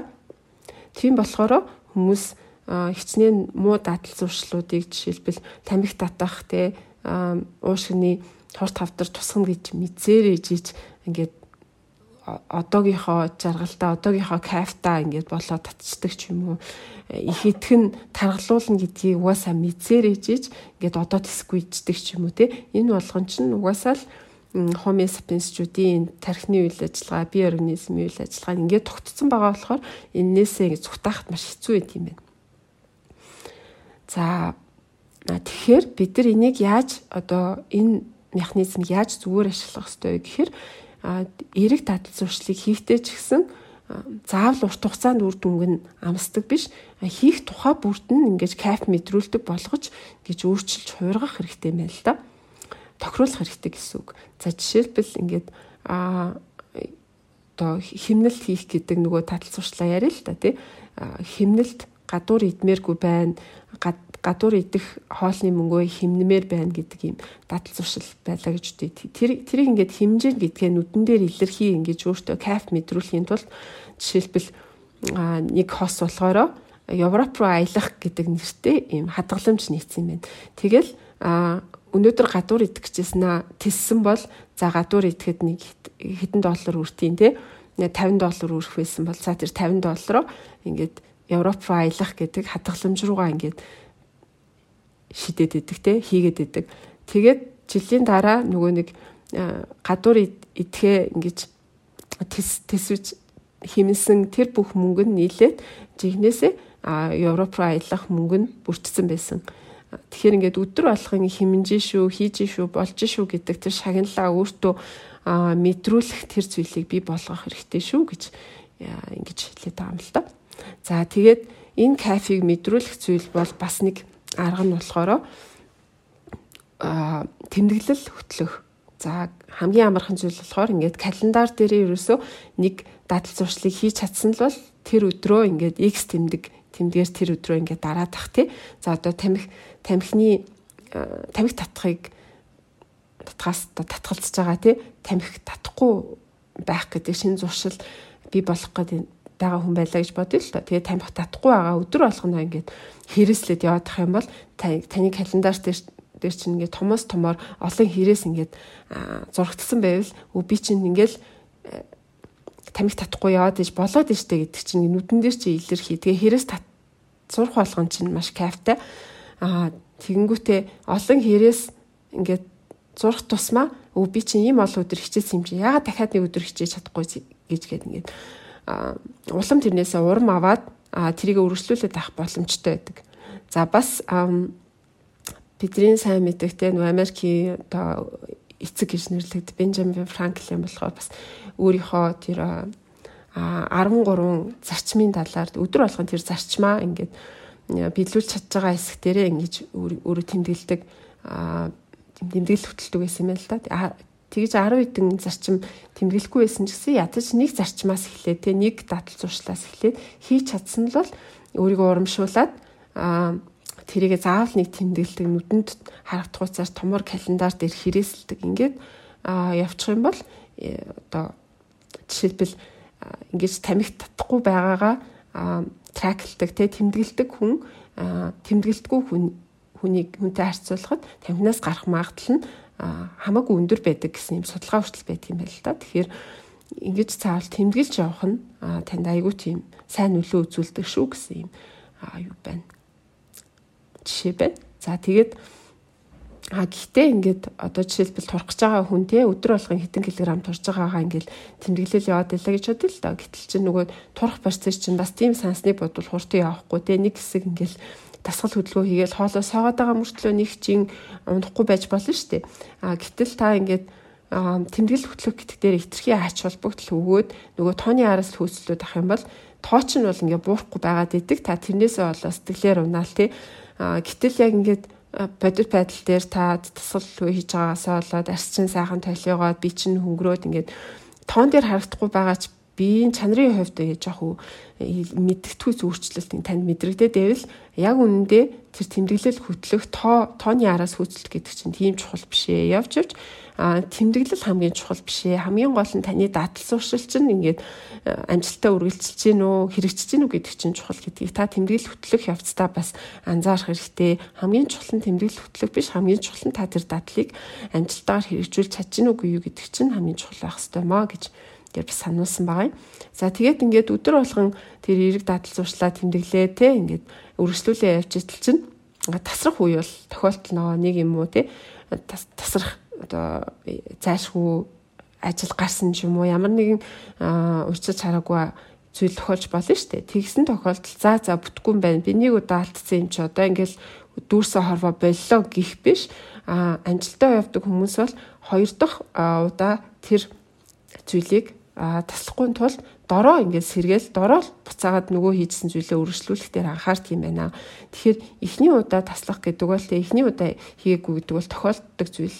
Энэ бол одоо гарчуулах алдаа. А хоёр дахь удаага хийж байгаа гэдэг бол магадгүй 3 дахь удаага тийм ингээд дахиад таслаад эхэлж байгаа гэж байгаа бол та шал өөр сөрөг дадал зуршлыг өөртөө суулгаж эхэлж байна л гэсэн үг. За одоо манай подкаст те нэг удаа тасалж үзэл. Тэгэл одоо хоёр дахь гурав дахь гээд одоо мэдгүй хэдгээ тасалтай явж байгаа. Энэ бол ингээд шинэ буруу таатал зуршил суугаа явж байгаа хэлэрл واخгүй юу? Тэр юм байж байна. ер нь ингээд газ алдаагаа засаад хоёр дахь гурав дахь удаага энэ зүйлийг давтахгүй байх талаас нь анхаарах хэрэгтэй маа гэдгийг л энэ тэр анхааруулсан байна. За тэгээд хамгийн сүүлд нь болохоор одоо аливаа дадал зуршлыг тий түрүүн бас хэлсэн хүрээлэл аягүй чухлаа тий хэнийг оо сайныг дагуу сарныг гэрэл гэдэгтэй адилхан тий аливаа цуг хийж байгаа хүмүүс цуг амьдарч байгаа хүмүүс хүрээллээсээ хүмүүс их нөлөөлөл авдаг. За эсвэргээр сөрөг дадал зуршил зуршлыг бас одоо зогсоохын тулд нөлөөл одоо хүрээлэлээ ашиглаж болно гэсэн юм санаа байгаа юм л да. Яаж вэ гэхээр хүн чинь нөгөө нэг за би одоо турна гэл ингээл өөртөө амлах нэг өөртөө хажуу хайрныхаа хүмүүс хэлээд за одоо би өстө турахгүй бол ингээрэ тэгээрэ намайг ингэж шийдгээрэ гэж хэлэх бас шал өөр идэг шүү дээ. Тэгэхээр сөрөг дадал зуршлыг те эсэргээр нь одоо маш тийм кайфгүй болгох тийм тааламжгүй болгох арга нь болохоор эргэн тойрондоо амлах тэгээд амлснаа амлсандаа одоо хүрхгүй байгаа амлалтаа зөрчөөд ичгүүртэй байдалд орох гэдэг тийм арга юм байна л да. За турах тэнийг хүн жишээлбэл ингээд их нэртэйгээ тасгалжуулагчтайгаа одоо ингээд жимийнхаа тасгалжуулагчтайгаа гурван гэрээ байгуулсан байна. За би одоо ингээд 4-7 хоногийн ийм дэглэн барьнаа тий. Тэгээд ийм ийм ийм дэглэмээ ингэж ингэж зөрчих юм бол би дасгалжуулагчдаа зөрчих болгондоо 100 доллар өгнө. Их нэртэй 400 доллар өгнө мөн гээд амар өндөр өндөр тийм юутай торгуултай. Тэгээд тэн дээр бүр гар үлийн үсгээ гурван талд зураад баталгаажуулаад ингээд заавал албачуулж ийж за би энэ худлаа тоглоогүй чи ихнээсээ энийг хийх гээд байгаа маа би үнэхээр ингээд үнэхээр жинхнээсээ хийх гээд байгаа гэдгээ өөртөө амлаж байгаа бусад хүмүүст амлаж байгаа тэрийг заавал ингэж хийж харуулах тийм өөртөө дарамтчхалт үзүүлж байгаа юм л та. За тэгээ энэ жишээн дээр бүр мөнгөнд торгуулаас гадна би одоо инээдтэй хувцлаад уг нь бол ийм костюм пижак өмсч ажилдаа очдөг юм байл та тийм ажлын ажил хийдэг хүн. Гэтэл хэрвээ би энэ дэглэмээс үрчих юм бол джинс За тэгээ хүүдийн өмсөд, малгай өмсөд те ингээд маш тийм спорт хуцлаад ажил дээр бүтэн нэг сар очин шиг юм бүр юм боломжгүй боломжгүй хэцүү торгуулуудыг зориуд тавьсан. Тэгэнгүүт чинь ингээл за за өнөөдөр хоолоо алгасчих гэдэг юм уу тэглэмээ зөрчиж гэж бодогдонгууд нөгөө шийтгэл чинь санаанд нь ороод өө өстой нэрээ бүтэн сар тэгэж хувцсан ч гэж юу аах вэ? За за хоолныхоо тэглэмийг барихаас тач гэх юм. Тэгээд ингээ гүрийгээд тодорхой хугацаанд явсны дараа угаасаа тэр тэглэм чинь нэг зовлонгүй хийгддэг болчихж байгаа байхгүй. За бас нэг инээдтэй жишээ болохоор өглөө босох гээд чадахгүй байсан хүн юм л да. Тэнгүүд аа Twitter дээрээ ингээд юм автомат тохиргоо хийцэн. Өглөө сэрүүлгээ ингээд 555 дуурна. Аа за тэгээд тэр 555-аас ингээ хит хитүүдээ дуурайд хэрвээс сэрхгүй 6 10 хүртэл сэрхгүй байвал 6 10-т аа Twitter дээр нь автоматар ийм нэг пост ордог. Тэгээд твит жиргээ гардаг. Тэр нь болохоор а за тэг ингээ 6 цаг 10 минут болж байна. Би босоог байна. Ягаад гэвэл би маш залхуу юм. Тэгээ намайг шийтгээд надаас энэ твит дээр минь хариу бичээд PayPal-оор 5 доллар аваарай гэсэн юм ийм автомат жиргээ тавигддаг. Тэгэл ингээд өглөөс ирэхгүй 555 сэрүүлэг дугаараас ирэхгүй байвал өө яа надад 6 10-аас нөгөө твит чинь ингээд жиргээ чи автоматар тавигдаад би баахан 5 долларын өртөө болох нь болох нь гэл тэр нь бодогдоод хүн чинь сэрхээс өөр аргагүй штэ. Гэх мэтчлэг хүмүүс ингээд сөрөг дадал зуршлыг хийх үед маш тийм хэцүү ичгүүртэй зүйл тохиолддог ч юм уу тийм байдлаар бас гэд хүрээлэлээ ашиглаж болох юм аа гэсэн ийм санаагаар ерөөхдөө энэ дөрвөн зарчмын байна тайлбар дуусч байгаамаа. Аа. За дөрвөн зарчим бол угаасаа шууд амьдрал маш хэрэглэх боломжтой тийм дөрвөн зарчмууд байгаа. За тэгээд дээрэс нэмээд бүгдээрээ жоохон агсан төвшний дахиад жоохон зарчмуудыг яриад тэгээд энэ намууд дуусгах гэж бодож байна. За тэгээд нэг зүйл бол яг яхаарахгүй дурдгацтай зүйл бол генетикийн тухай байгаа юм л да. Хизээ генетик бид нар чухал байдаг хизээ бид нар чухал байдаггүй гэдэг. За тэгээ ном маань эхэлж байгаа нь бүгдээрээ та бүхэн мэдээ Америк нэгдсэн улсын усан усан сэлэгч олимпи маш олон медальтай Майкл Фелпс гэдэг бүгдээрээ тамирчны бүгдээр мэдж байгаа шүү дээ. Хамгийн алдартай баг олимпиад хамгийн олон алтан медаль авсан гэдгээрээ тийм алдартай хүн байгаа. За тэгвэл бас дахиад нэг хүнд олимпийн бас хоёр удаагийн алтан медальтай Эл Гөрөж гэдэг Мароккийн Мароккосын бас марафон гүдэг тийм тамирчин байгаа юм л да. За энэ хоёрыг хэрвээ харьцуулъя гэж бодъё. Хоёулаа олимпиад алтан медальтай өөрөө өөрийнхөө нэг нь усан цэлэгт нэг нь болохоор гүдэг тийм марафон гүдэг марафоноор гүдэг тийм хоёулаа тамирчин гэ байна. Гэтэл яагаад энэ хоёр хүн хэрвээ энэ хоёр мэрэгчлээ солилцсон бай гэж лээ. За Эл Гөрөж Эл Гөрөж нь болохоор усан цэлэд Майкл Фелпс хэрвээ марафонд гүйсэн бол хоёулаа олимпийн медаль авч чадах байсан уу гэх юм бол тэр бол маш асуудалтай асуудал юм те. За тэгээд энэ хоёрыг харилцаанд нь харьцуулах юм бол ойролцоогоор өндрийн хувьд болохоор Майк Фелпс болохоор 20 см бараг шоу өндөр, маш өндөр те. Эл Гүрүш нь болохоор хамгийн намхан байгаа байхгүй юу.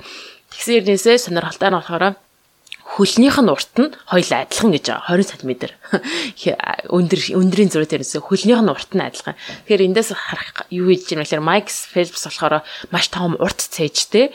Аа тэгээд өндөр хүн байгаа байхгүй. Тэгээд жингийн хувьд болох юм бол бараг 20 30 кг-аар хүнд тэгээд ийм өндөр хүн байна.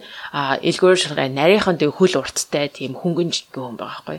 Хэрвээ энэ хоёр мэрэгчлээ ингээд солиод элгүүрч хэрвээ усан сэлд дээр хичээлэх юм бол аль хэдийн намхан гэдгээрээс шалтгаалаад бусад тамирчтаас харьцуулахад намхан гэдгээс шалтгаалаад усан сэлдээ хичээлээ чи эхлэхээс өмнө аль хэдийн өөрт нь болохоор disadvantage буюу сул талуудтай болчихж байгаа. Бусад бусад сэлгшээр. Хэрвээ Майкл Фелпс одоо урт урт уртын зайны марафонд гүйж эхэлсэн бол альтын өөрт нь бас disadvantage сул тал нь хитрхийд өндөр хитрхий хүнд жинтэй учраас холлын зай гүйхэд угаасаа чадахгүй. За тэгэхээр эндээс юу гэж хэлэх гээд байна вэ гэхээр Майкл Фелпс, Эл Гөрөж хоёр бол генетикийн хувьд болохоор шал өөр хүмүүс байсан тий. Гэхдээ өөрийнхөө генетикт яг тохирсон тэр спортоо сонгож аваад тэрнээрээ маш удаа хугацаад турш хичээлсний үр дүнд энэ гарсан байна. Мэдээж ямар нэгэн дадал зуршлыг одоо өөртөө шингээгээд тэрнийхээ төлөө удаа хугацаанд хичээлээд маш сайн үр дүн гаргах нь бас мэдээж тэр бол бас хийх шаардлагатай зүйл.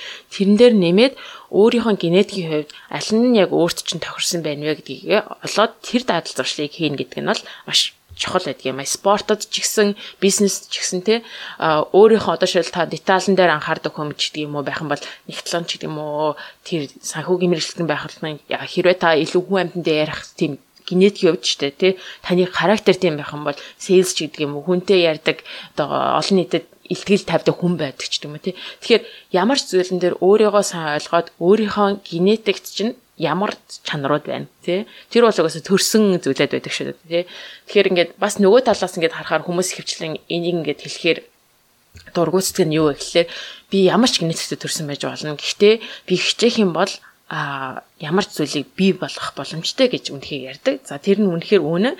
Гэхдээ хүн гэдэг зүйл чинь болохоор өөрт нь амархан амархан тэгээд өөрт нь таалагддаг тэр зүйлийг хийхийн хийхийг л хүсдэг тий натуралаараа.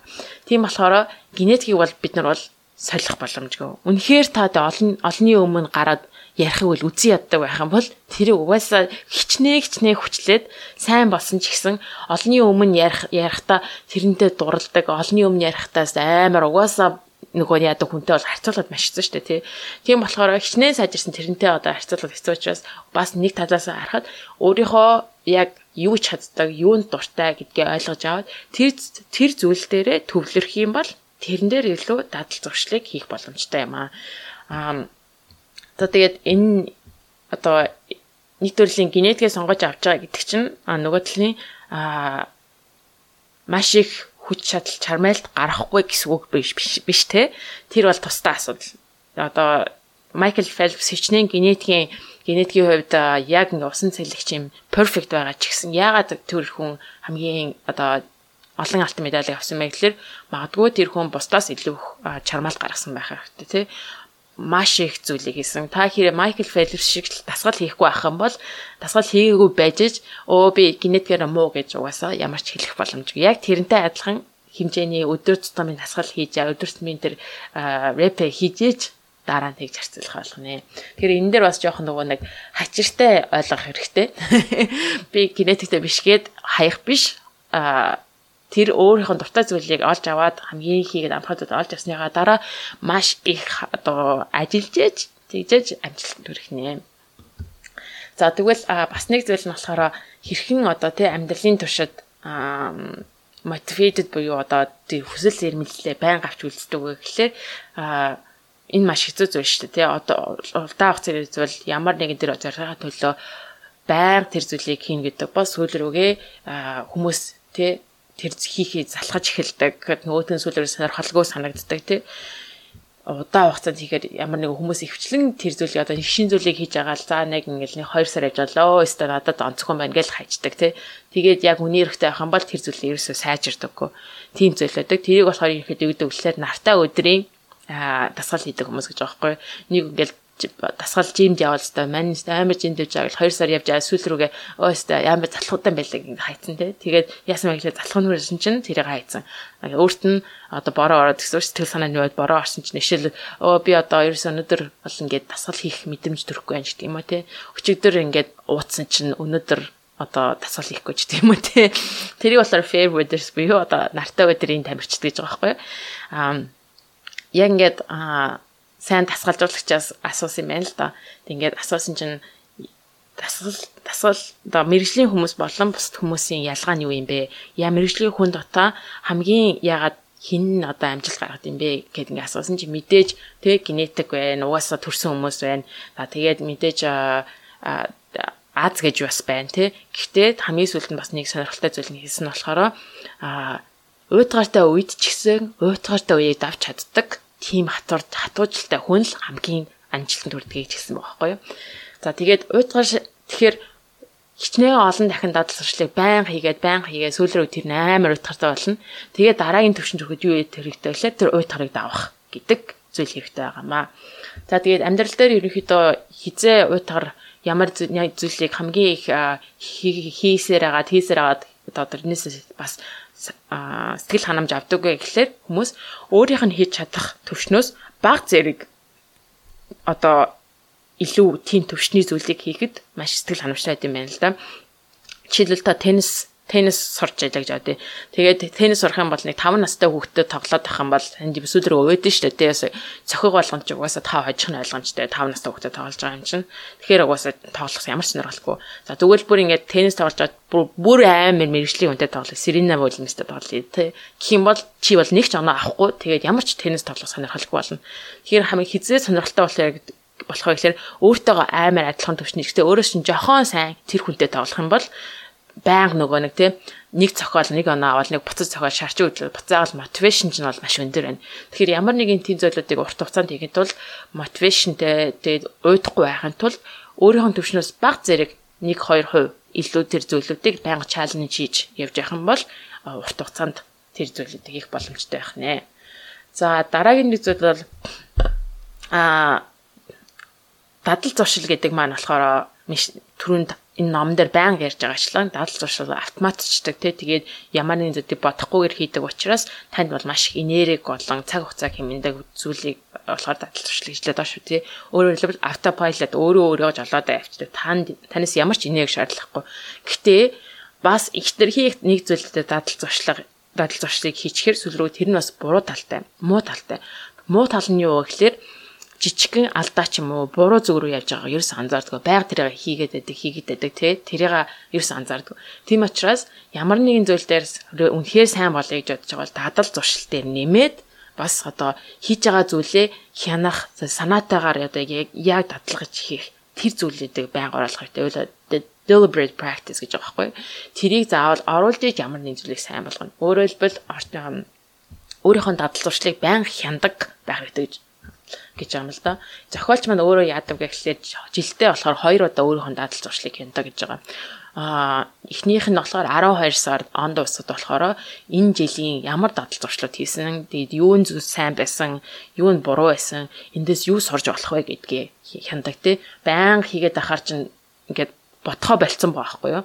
Тэгээ тий Тийм учраас энийг бодох боломжийг олгодог. За тэгээ 6 сар дахиж хийдэг нь болохоор аа тэнцээ болохоор ерөөхдөө өөрийнхөө амьдралын үн цэнийг дахиж бодоод тэр үн цэнд чинь энэ хүү одоо хийж байгаа дадал зуршлууд болон өдөр тутам хийж байгаа зүйл чинь таарж гинөө гэдгийг бас нэг дахиж шалгадаг. Тэр нь болохоор integrity report буюу өөрийнхөө үн цэндээ таарсан зүйлийг хийж амьдарч ажиллаж чадчихна гэдгийг шалгадаг. Тэрэнд нь тохирсон дадал зуршил байна гэдгээ бас шалгадаг. Тэгэхээр жилдээ хоёр удаа өөрийнхөө байн хийдэг, байн хийгээд ерөөс ингээд бодгоо хэлсэн зүйлүүд байгаа шүү дээ, тий. Тэрийг дахиад нэг шалгаж үздэг байх нэ. Тэгэхээр ингэжээж өөрөөр хэлбэл дадал зуршил хичнээн сайн сайн гэж ярьж байгаа боловч тэрийг ингээд байн хийгээд яваад ах юм сүүл рүүгээ ингээд ботхоолчдаг учраас тэрийг нэг удаа зогсоод а яг болж гин үү а хэрвээ засах шаардлагатай юм бол засаад тэгээд явах шаардлагатай. За тэгээд бас хүмүүсийн нэг адаатай зүйл нь болохоор би л одоо ийм л хүн гээд би ийм л учраас ийм гээд ингээд тэрнээс ерөөс өөрчлөгдөхгүй байх тийм тохиолдол байдаг тий. Тэгэхээр тэрэндээ хитрхи түрүүн нөгөө хамгийн их дадларшлын fundamentals гэдэг дээр хамгийн ихний бүлэг дээр ярьж байсан тий. Дадал зуршил хийсээр байгаа сүүл рүүгээ таны identity гэдэг зүйл чинь гараад ирдэг. Бас ихтэй identity-д хитрхи ингэж одоо уягдах уйсны хэрэг учир нь юм бол амьдрал гэдэг чинь байнга өөрчлөгдөж байдаг танд өөрчлөлт гарах боломжтой зүйлүүд байна. Тэрэнд нь тохируулаад өөрийнхөө identity-г бас өөрчлөх боломжтой тий. Жишээлбэл одоо баян тамирчин хүн байлаа гэж тэл та. Тэгээд би тамирчин хүн гэж би баян тамирчин гэдэг. Тамирчин тамирчин гэж яваад байхаагаар нь одоо таны амьдралд өөрчлөлт гарсан учраас тэр тамирчин гэдэг identity-гаа өөрчлөөд би бол а сэтгэл санааны хувьд амар чанга тийм хүн юм аа. Тэгээд харин бас дээрэс нь нэмээд ямар нэгэн тийм чаленж дуртай хүн юм аа гэд айдантайгаа өөрчлөх боломжтой хүн тамирчин гэдгээс дараачийн төвшөнд оруулж байгаа гэсэн шүү дээ. Гэх мэтчлэн амьдралдаа тохируулж амьдрал гэдэг чинь бол байнга өөрчлөгдөж яадаг зүйл учраас тэрэндээ зохируулж өөрийнхөө habit буюу дадал туршлыг өөрчлөх, өөрийнхөө identity-г бас өөрчлөх хэрэгтэй. Тэгээд хэлбэл амьдрал гэдэг бол constant биш. Учираас энэ бол маш чухал зүйл юм л да. За тэгээд хамгийн сүүлд нь одоо дүгнэж хэлэхэд бол энэ дадал зуршил гэдэг чинь болохоор процесс гэдэг тий Тэрнээс нөгөө нэг хамгийн гол зорилго нь болохоор нэг зүйлийг зорилго дээр очиад тэрийг хүрэх биш. Харин тэрэндээ хүрэхин тулд явж байгаа байнгын процесс байг жижиг сүрээ сайжруулж байгаа зүйл те. Ерөөсөө л ингээд амьдрал гэдэг чинь ингээ үргэлжлэж байгаа учраас тэрэнд нь тохируулаад хизээ сайжруулах уу хизээ солигдох уу гэдгийг ингэж байн хийж явж байгаа. Тэр одоо жижиг жижиг одоо шатууд юм аа тий. Тийм болохоор яг л нөгөө нэг номны нэрэндээ харж байгаа атомик буюу атом шиг тийм жижигхэн хэмжээний ийм дадал зуршлуудыг одоо жижигхэн өөрчлөлтүүдийг хийснээрээ маш том үр дүнд хүрж болдог гэдэг тухай энэ ном маань яриад энэ бүлэг үрээд өндөрлж байна. Аа. За ерөнхийдөө ном маань маш дайжгүй ингээд товч тодорхой ер нь бол илүү нурсан зүйл байхгүй уншихад амар тийм ном байла. Одоо нөгөө илүү нэг зүйлийг хийх тамархан байлгана гэдэг концепттэйгооч уялдсан уу? Нэг бүлэг уншаал аа окей ойлгомжтой гэдэг дараагийн бүлэг рүүгээ урсаад урсаад орчихоор тий. Тэгэхээр сонирхож байгаа бол номыг бас заавал уншаад чинийхээ ном болгоорой гэж сонсогчдоо зөвлөмөр байна.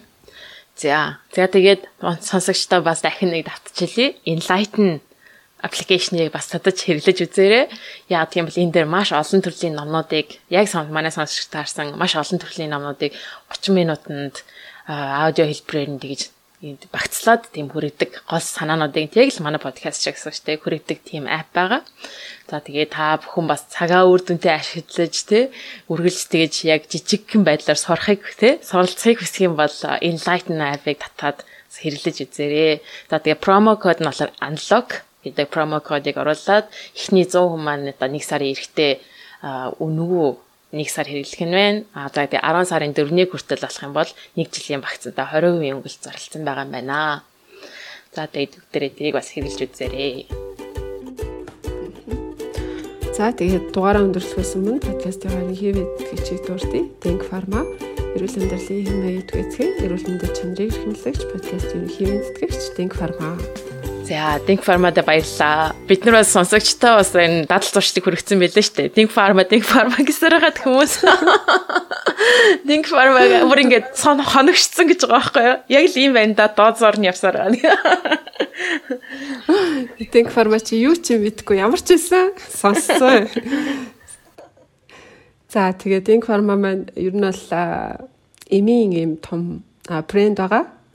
Ямар нэгэн аптик бол биш. Аптик руу оруулт инк фармыг олон бүтээгдэхүүнийг харж болно. За тэгээ та бүхэн маань ханиу томооны үйлрэл хэлж гин. Над чиг ийм битүү хамартай суухгүй тул эртхэн бие бодоод энэ ном дээр гарч байгаа бие эрүүл байлгах дасгал хөдөлгөөн хийх, эрүүл хооллох гэх мэтчлэн тэ гой гой дал зуршлуудыг хэрэгжүүлээд эрүүл амьдрцгаагаараа эрүүл хэмэгийн хэмээ итгээс хийгэрээ гэж уриалах байна. За. За тэгээд энэ удаагийн дугаар маань бас таалагдсан байхаа гэж найдаж байна. За тэгээд дараагийнхаа дугаараар уулзлаа. Түр баяртай. За түр баяртай.